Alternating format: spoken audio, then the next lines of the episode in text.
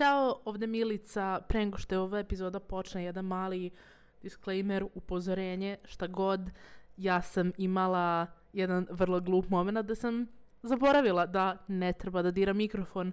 Tako da kroz celu epizodu ćete čuti moje prstiće kako prčkaju taj mikrofon. A, izvinite, setit ću se za sljedeći put. Ali je super epizoda, nemojte zbog toga da je propustite. Tako da, uživajte!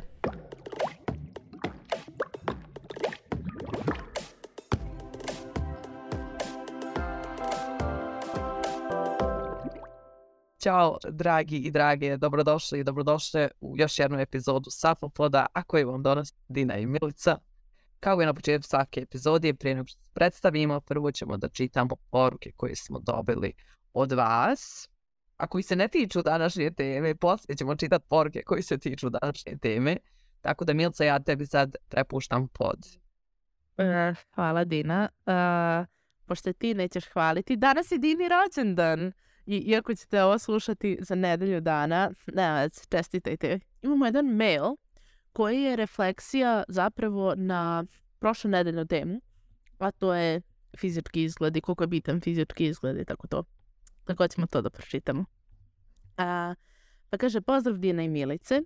A, samo želim da vam kažem hvala za još jednu divnu epizodu. Također sam žela podeliti da potpuno razumem Dinu i način na koji ona gleda na ljude slash potencijalne partnere, u smislu da i mene prvo privlači osoba pa tek onda telo. Osoba i njena suština čine telo privlačnim a, kako god to telo izgledalo.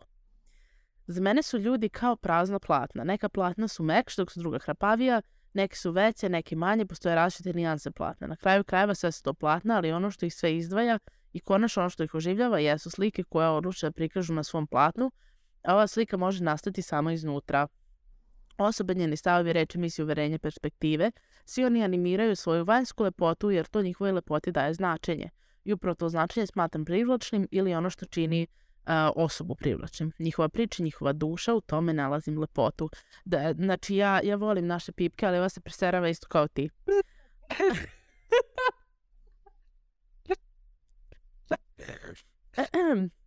pa nastavlja. Zbog toga i smatram da sam pansexual, jer po datoj logici koju sam malo prepomenula gledam unutra, a ne spolja, pa samim tim bez obzira na to šta je spolja, to ne utiče na to da li i kako se povezujem sa tom dušom slash pojedincem. Međutim, kako Milica sam pomenula, ljudi imaju sklonosti, pa iako sam pansexual, više volim da budem sa osobama koji imaju vagine. Po mom iskustvu, od svih ljudi koje sam na kraju smatrala privlačnim, u početku ih nisam smatrala privlačnim. Ne u smislu da su bili ružni ili neprivlačni, već u smislu da su mi bili prazni dok ih nisam upoznala. I tada sam počela osjetiti fizičku privlačnost uh, ka njima. Nešto kao subjektivna privlačnost. Vrsta privlačnosti i ono što ja smatram privlačnim u osobi zavisi od samih pojedinaca i kao takva ova privlačnost se ne može grupirati u opštu kategoriju. To je subjektivno za svakog pojedinca, ko su oni iznutra, što za mene na različite načine uveličava vanjštinu. Um, to također znači da moram upoznati osobu pre nego što budem intimna s njom. To ne znači da ne vidim, ne primećujem, ne cenim konvencionalnu lepotu, već više me sama konvencionalna lepota ne privlači niti uzbuđuje. Samo jednom i to sasvim nedavno pronašla sam osobu zaista privlačnu, a, da je prethodno nisam morala upoznati, što me zaista šokiralo. I koliko god ovo corny zvučalo, njen osmeh me je osvojio. A jest, jeste, serete sve redu. Baš kao... Biću cancelovana. Dino, spasi me. Neću. Nećeš. Um. Uh, baš kao u filmovima videla sam njen veliki prelep osmih i srce mi je bukvalno stalo. Tako čudan, ali divan osjećaj. U svakom slučaju, hvala vam što ste odvojili vremena da pročitate ovu zaista dugačku poruku. Nadam se da vam nisam dosadila. Prostite na gramatičkim greškama. Neka ste uvek zdravi, sigurni, sretni, lep pozdrav. Hvala lepo. Hvala ti na razumijevanju mog. Mislim da, da, je, da je jako lijepo verbalizirala i konceptualizirala ono što sam ja htjela da, da prenesem kroz podcast. Upravo to srže nešto što kod mene izaziva tu privlačnost. I ostala sam dužna od prošle epizode da kažem svoje utiske. Svoje utiske, da. Naked Attraction serije. A, interesantno. ali zaista oni bi od mene dobili nulu. Ja ne znam kako bi izabrala osobu. I stvarno je bilo kao izmisle nešto. Vjerovatno bi ja takva bila i ja, izmi, i ja bi izmislila nešto jer ne mogu, nisam mogla uopšte da se povežem s tim da zbog nekog fizičkog detalja da ja odbijem osobu i bilo mi je jako smiješno, iskreno, što kao od, ja mislim, četiri epizode koje sam pogledala, u dvije epizode osoba je bila ghostana od strane druge osobe. Ove dvije koje su bili, bili su jako kao bilo jako neugodno na dejtu i onda kao poslije se tu nije razvilo u ništa. Što znači da nije sve u fizičkoj atrakciji, nego da treba malo biti, jel, i neko, neki srži od osobe koji nama odgovara. Tako da Naked Attraction serija da bi doslovno dobila nula od mene, kao ja. Eto, baš, baš zanimljivo. Baš sam mislila da ćeš a, prosto dobiti potpuno novi, novi pogled na svijet i dating i da ćeš reći, evo, znači sutra idem da se prijavim na Naked Attraction. Ne. Ali ja sam bilo interesantno do kojeg nivoa su ljudi kao sigurni svoja tijela. Ono, super. Ali ja ne bi mogla tako da izaberem nekog s kim bi išla, išla na date. Žao mi je. Posljednje što ću pročitati je jedan komentar na našoj epizodi o polijamori koji je fantastično. Znači, neko je uspio da fantastično uzme uh, iz konteksta sve što smo rekle i primeni neke svoje ideje na to. Uh, I kaže ovako. Meni je cijela ova priča jeziva. Ne mogu da verujem da postoje ljudi sa tako malo samopoštovanja da pristaju da budu neko treći u nekom odnosu. A opet sa druge strane, da je neko nesposoban da se posveti jednoj osobi sa kojom je, pa mu je potrebna treća. Jezivo.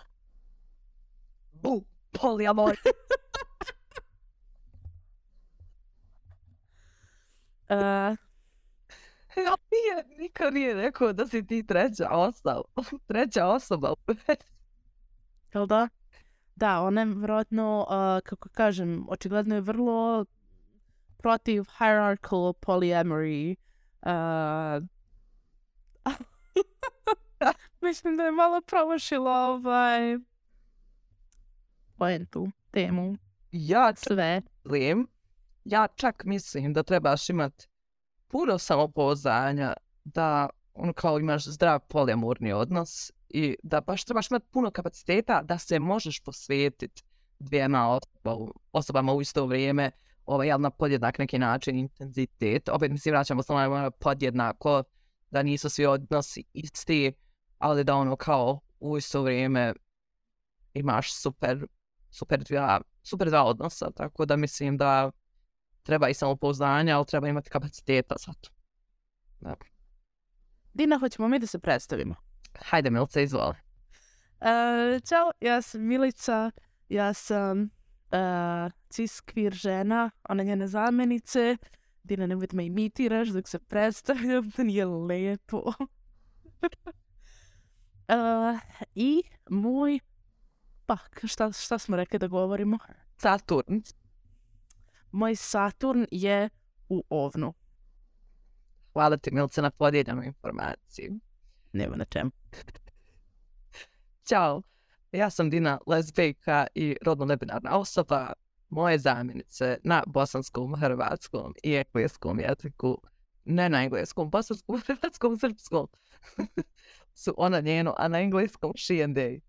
A, I moj Saturn je u ovnu isto. Kako je to fantastično. Sjajno.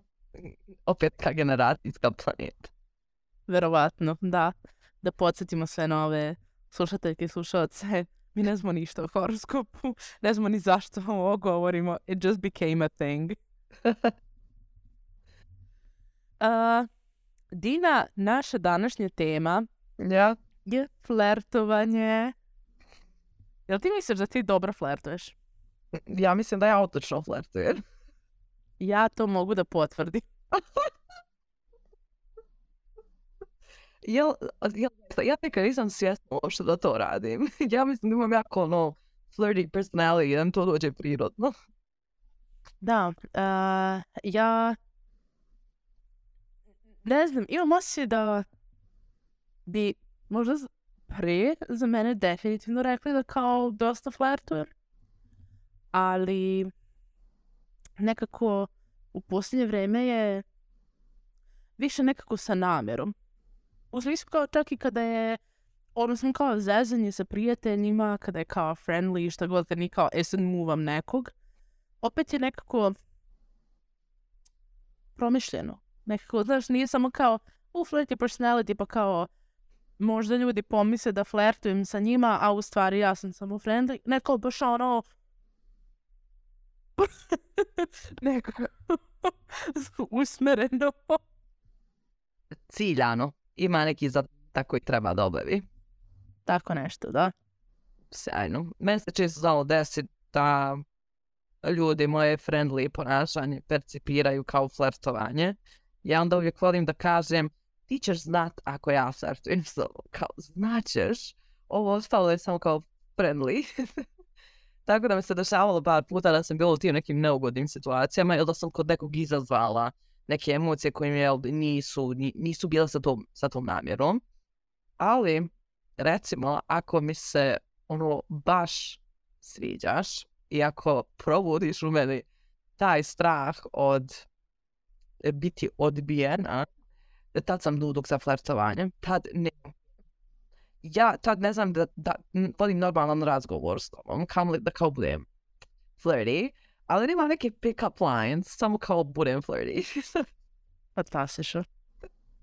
A, ne, i- ja sam skontala da me jako nervira a, od kad sam, kad sam krenula da se družim mahom sa queer ljudima i ja tako smo kao ne znam, imam osjećaj da mi više flertujemo jedni sa drugima i kao i prijateljski.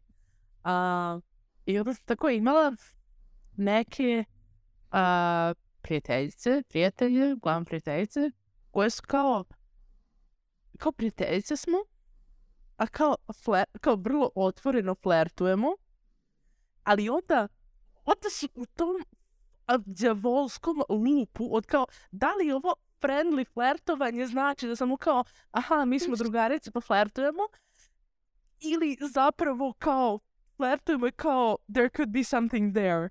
I onda kao skontala sam da ja kao isto tu energiju i vraćam. I onda kao svi smo samo u tom fucking zbunjenom kvir krugu neznanja da li zapravo želimo da tu nešto možda bude ili smo samo kao oh we're friends so we flirt with each other. Kako mrzim to.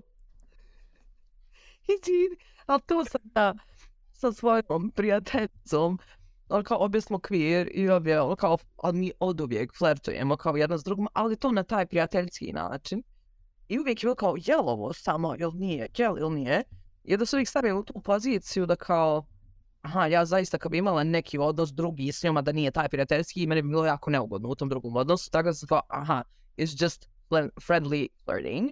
Međutim, znam vam se isto tako u queer krugovima dešava da kao svi flertujemo jedne s drugima, ali kao flertujemo, dajemo komplimente, uzdižemo jedne druge, to baš bude onako fin osjećaj.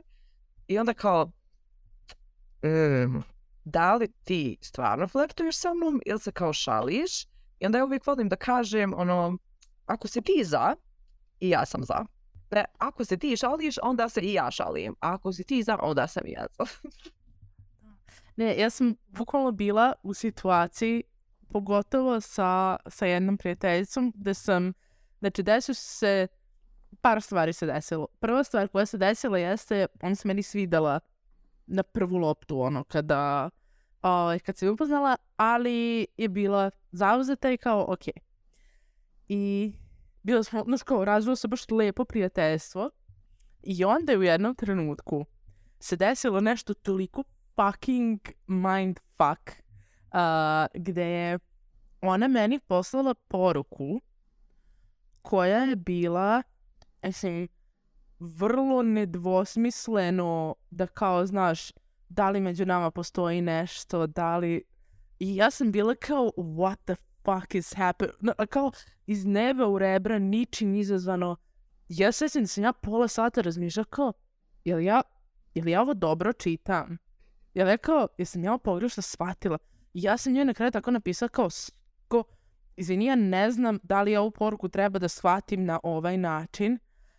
I ona koja sam napiša, a ne, fuck, ja sam samo prosledila poruku koju meni moja bivša poslala da ti pokažem šta je ona meni rekla. Znači kao, potpuno most awkward shit ever. Joj, to Znači, je neugodna situacija. ali mi smo nastavile da, da imamo isti taj odnos i da flertujemo i sve to. I onda jednom sam ja zapravo kao otvoreno pitala kao da li, kao nekako prošli smo tu fazu da sada kao sigurno znamo da nikad neće biti ništa među nama, ali znaš, uvijek me kopkalo kao da li je nekada bilo šanse. I onda sam jednom kao smo otvoreno pitala kao da li je pre bilo, da li si nekada pomišljala na to da, da nas dve budemo zajedno? Jo, kao da. Ovaj, e da, tako da a, veselo, veselo i zbunjujuće. Um, nekako s jedne strane to mi nadomeštava tu potrebu za tim neznanjem koju mi je Tinder ukrao. Ovaj, Znaš, to kad se pitaš, znaš, nekad smo se pitali kao, e, da li se uopšte sviđa, da li ovo ono, i onda mi Tinder tuknuo i sada smo samo prešli kao u potpuno u drugi jesen gde non stop svi sa svima flertuju, onda nije više pitanje, o, da li se sviđa, da li se ne sviđa, da, koje su šanse da ne bi htjela da spava sa mnom? To je meni baš, ne znam, ja, ja volim to uživo flertovanje, meni je to sjajno. I desilo se jedno, isto tako sa prijateljicom, kao mi su stvarno dugo bile prijateljice i tako, mislim, friendly flirting. I onda sam ja osjetila u jednom trenutku taj shift, tu promjenu, da nije više baš toliko prijateljski. I znam da sam išla po nju autom da i pokupim u drugi grad, znači koji je 400 km udaljen odavdje, jer to bože nema prijevoza ja sam sjela. I mi smo uvijek imali super razgovore kad smo bilo ono, skupa. I znam da tad u autu ovako dva sata otuzle nešto ona meni dobacila. Ja zlazom, hm, znaš šta, rekao bi li ti izašla sa mnom na dejt? Kaže meni, molim, rekao ja ne kontam ništa što se dešava. Ja sam rekao osjetila neku promjenu i kao da bil ti izašla sa mnom na dejt. Govori pa bi i izašla su na dejt. Sjajno, mislim nije se dalje ništa razvilo, ostale smo ipak samo prijateljice. Ali opet bilo je kao prilike i mogućnosti, ali mislim da barem sam ja dobra u prepoznavanju toga je li to samo prijateljski ili ima nešto, neka druga namjera iza toga. E, Ja sam očajna u tome. Znači ja, the fucking worst. Onda kao s druge strane, ja sebe nekad znam zbunit sa u kakva mi je namjera. Same. Same. Fucking same. Kao šta ja želim od tebe. Da. A, Ina, ekstremno je važno da mi o ovoj temi danas pričamo, zato što kad smo mi pitale naše pipke na Instagramu da nam kažu kako one flertuju i koji su njihovi flirting tips and tricks, a, odgovor je bio da su svi krš u tome. Znači da nemaju po veze s vezom. We are here to help. Znači ovo, ovo nije epizoda, ovo je prva pomoć. Ovo je ambulanta, ovo je SOS za flertovanje. Znači, pitala sam za tips and tricks, evo šta su bili odgovori od pipaka. A, kaže, a, šaljem slike svoje mace. Ne znam da li je mačka ili... Aha, oj, ja Ja? Mm, mislim, da. Nadam se da je u pitanju kao maca, kao mjau, mjau maca. E, Mislim, to bi bilo mnogo više gej od kao send a pussy pic. Um, da, A, kaže, meni je najbitnije da se cura osjeća prijatno sa mnom i da možemo zajedno lepo da se provedemo, čak i u tišini. Flertovanje može biti najsimple kompliment, ništa preterano, ali uvijek je fino da daš curi do znanja da ti se dopada i da ti znači. Pa, mi failujemo u tome, očigledno. Um, kaže, priđem i pitam za Instagram. Eventualno, ako se samo odjednom nađemo na Instagramu preko zajedničkih prijatelja ili nešto, samo lajkujem storije dok ne vidim kakva je osoba. Basic znam, ali najlakše mi je tako. ja ne znam ko je to, ali radila sam, to je nešto što sam ja radila isto. Ja. pa kao još se nadam da će lajkanje storija logično no, doći notifikacija, onda da će od, ona odjednom imati potrebu da se meni javi. I onda sam ja kao u fazonu, a što se ja ne bi javila? Uh, moja draga je doprinela ovaj, i rekao ona uh, slid in my DMs sa imaš jako lepe oči. Kliše. Fucking kliše, but it worked. Eto me. Dve godine kasnije. Sad sam pošla da kažem, worked. E, kaže, ja uglavnom samo gledam u njenom pravcu, trudim se da ju uhvatim pogled i nadam se da će ona meni prići. Ali ja sam recimo ta osoba koja, ako napravimo duži kontakt očima, ja ću ti prići. I ja, ja to, meni je to signal, priđi mi, ja prilazim momentalno. Se kako svaka fucking devojka koju te kad vidi kao intensely bulji u tebe. I'm recently single, kao bujrom. E, kaže, ne flirtujem, plašim se žena. Moja devojka nije flirtovala sam da verovatno bi za ovog bila single. ja mislim da se svi pomalo bojimo žena, ali da je to neko kao strahopoštovanje. And as it should be. As it should be. As it A, should.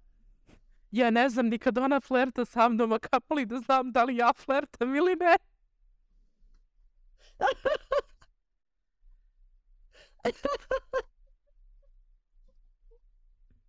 Kaže sledeća. Nikako, najveći strah je da ispadnem krip pa samo udelim kakav kompliment, a prave flirty forice ostavljam za drugarice. Looking at you, Dina. Zašto mene gledaš? Yes. Ili je znaš? Neka, Olivera. A, joj, duša moje duše. Ja, znam, znamo se jako dobro. I svaki put prokleti kad ja instaliram Tinder, nas dvije mačamo jedan s drugom, a kao prijateljice smo u ovim aktivističkim vodama ovdje. Ovdje je ali sjajno. I draga Oliver, hajde pričat s njom, čućemo se. Onda imam jedno, kaže, mislim da sam do sada skoro svaku devojku koju sam imala poljubila u WC-u nekog klupa kafića ili ispred WC-a. Flertam tako što cure odvedem na WC. Šala na stranu flertanje uvijek započne pogledima s jednog kraja kluba slash stola, čega već na drugi i onda nakon pisa dva krenem u priču iz vajba osjetim da li ima smisla nastaviti priču i očigledno odvesti u WC. If it works, it works. Ja sam nadam da je to consensually. Kao kraljice.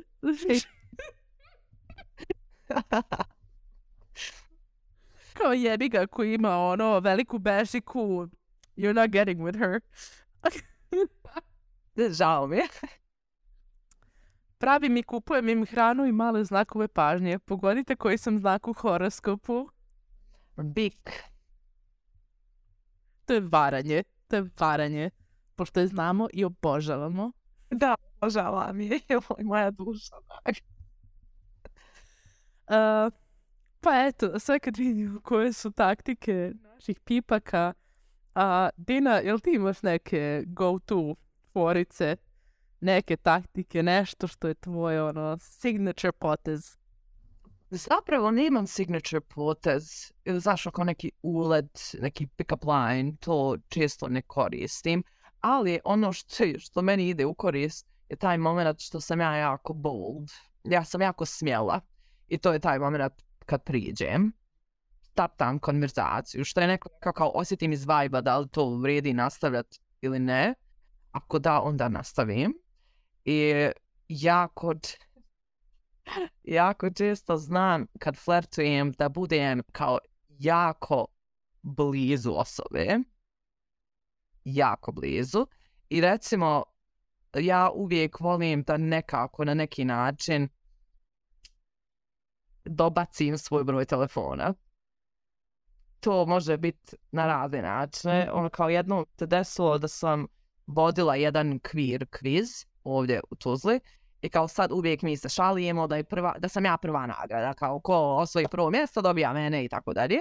I jedna super slatka djevojka je osvojila taj kviz i ja sam doslovno otišla i na papir napisala svoj broj telefona i stavila u, u, u, u vrećicu jel, sa, sa poklonom. I onda sam je dala i onda je malo a kao šta je ovo? Ja rekao, preko moj broj telefona.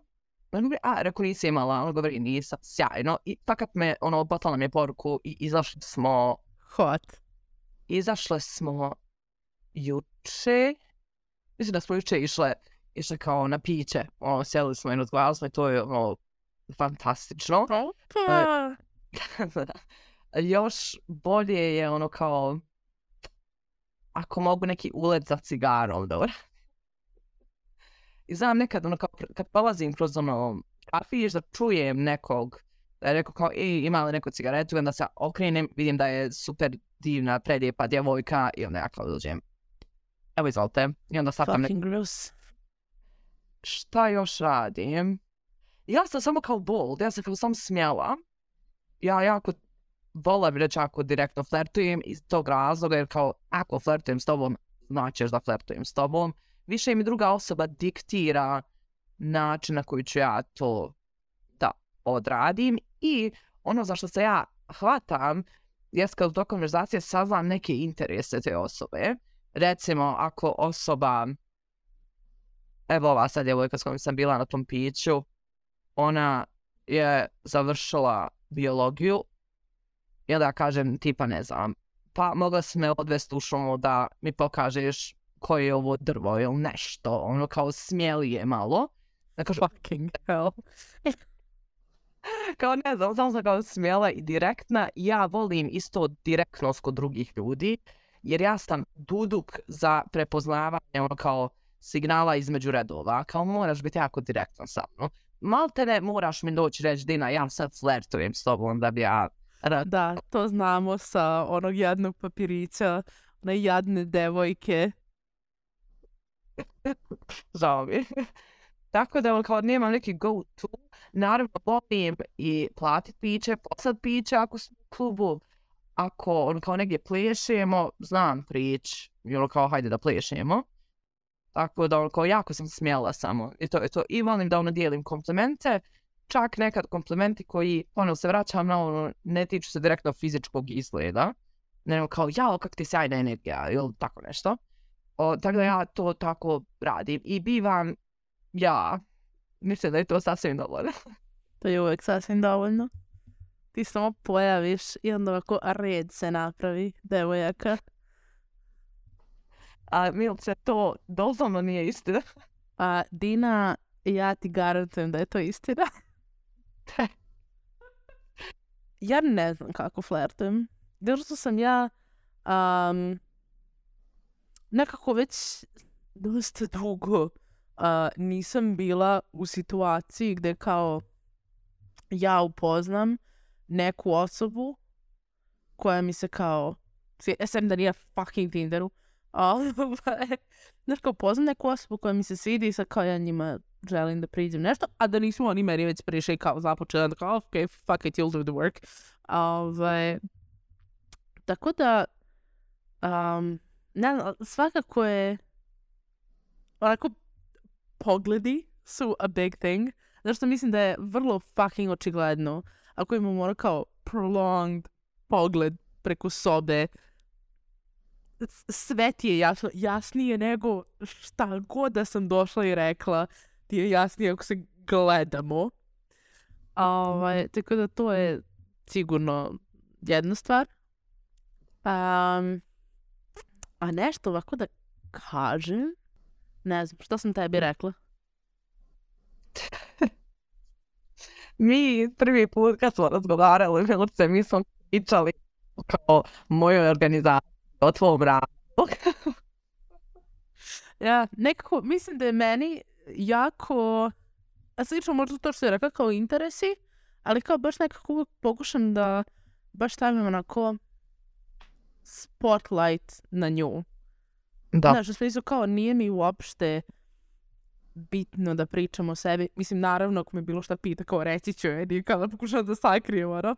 A, nego baš stvarno ono, čak i kao ako sad nju zanima ili se bavi nekim temama koje mene uopšte ne zanimaju, svakako ću se kao udubiti i pitati i pokušati da, mislim, ono, skontam o tome, da nađem nešto zajedničko.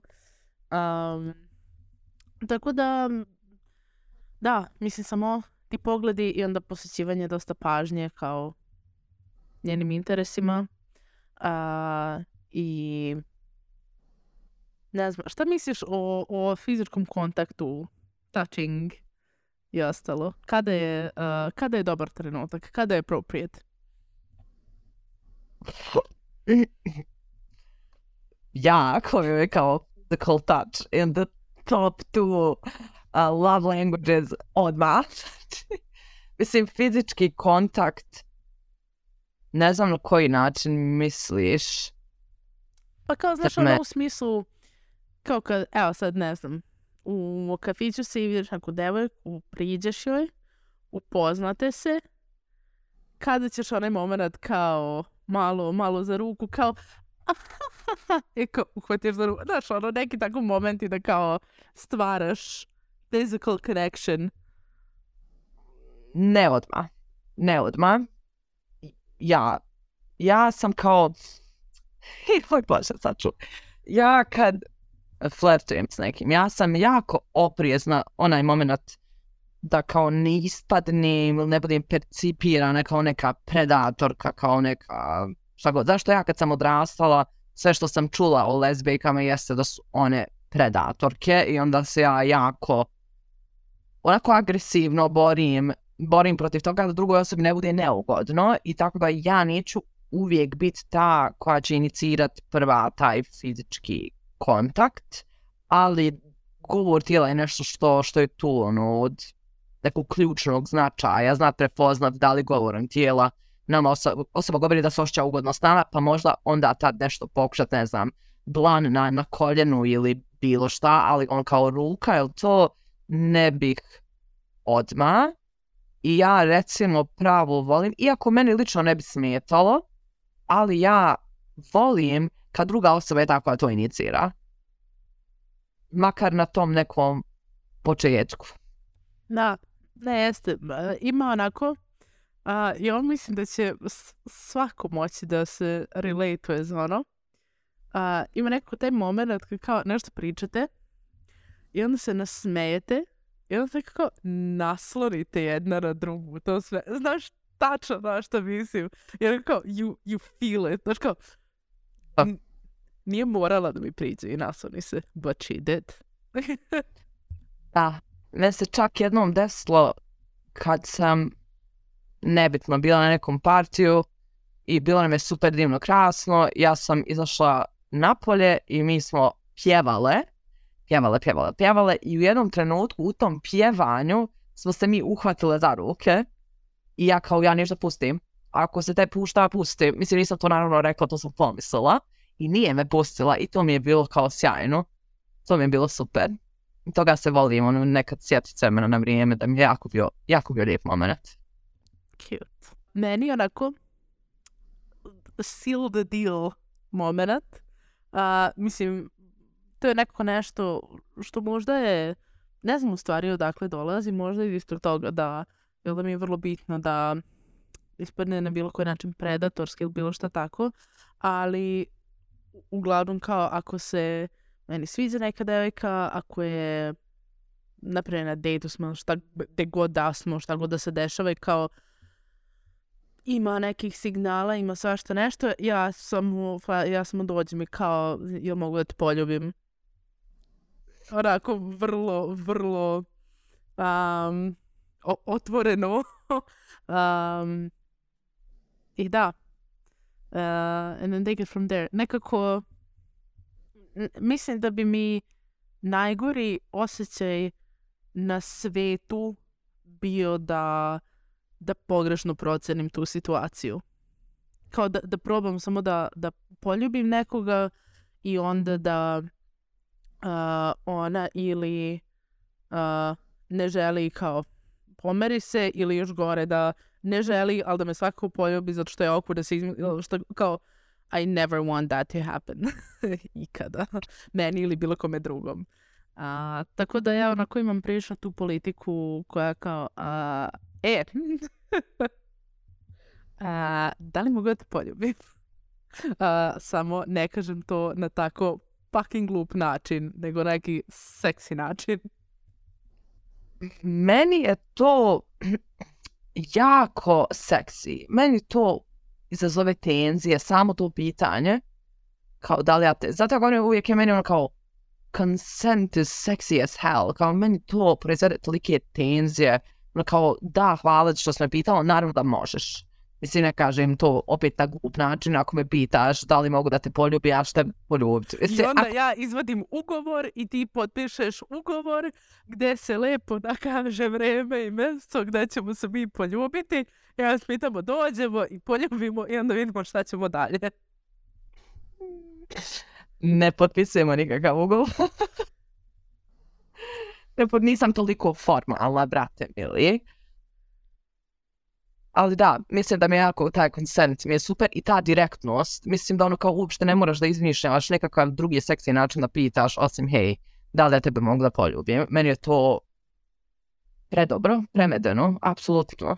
Ok, Milce, jesmo spremni za fun educational fact with Milce? Jesmo. Dina, Dina danas pričamo o himenu.